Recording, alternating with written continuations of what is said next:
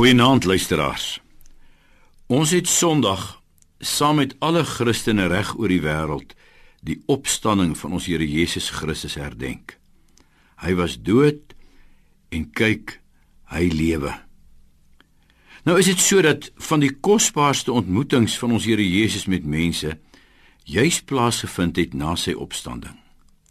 Dit is asof hy in hierdie dae na sy opstanding die lyne van sy prediking van 3 jaar saamtrek in enkele kort ontmoetings. Daar is twee goue lyne wat deur al hierdie ontmoetings loop. Die een is die geweldige openbaring Jesus het opgestaan en die ander elke keer die opdrag gaan gaan verkondig dit gaan draai hierdie boodskap uit.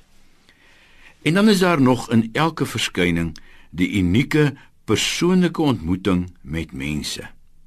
Mense met elkeen hul eie vrae en soms nog skeefgetrekte visie op Jesus.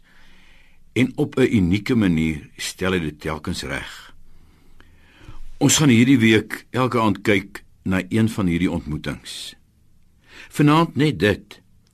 Die opgestane Here is steeds die goeie herder wat sy skape ken, wat elkeen by die naam ken. Ag hy kon mos sommer net aan 'n klomp mense verskyn het en almal weet dit. Paulus skryf in 1 Korintiërs 15 dat Jesus aan oor die 500 broeders te gelyk verskyn het. Hy het dit gedoen.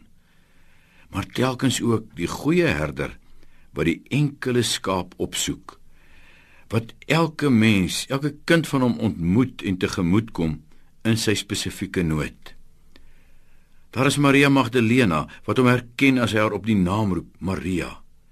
En as sy oorstelp van vreugde hom vasgryp, dan sê hy Moenie raak my nie aan nie want ek moet na my vader gaan. Haar oë moes geopen word daarvoor. Dat dinge nie maar terug is waar dit was voor sy dood nie, geopen word vir die nuwe bedeling van die verheerlikte Christus.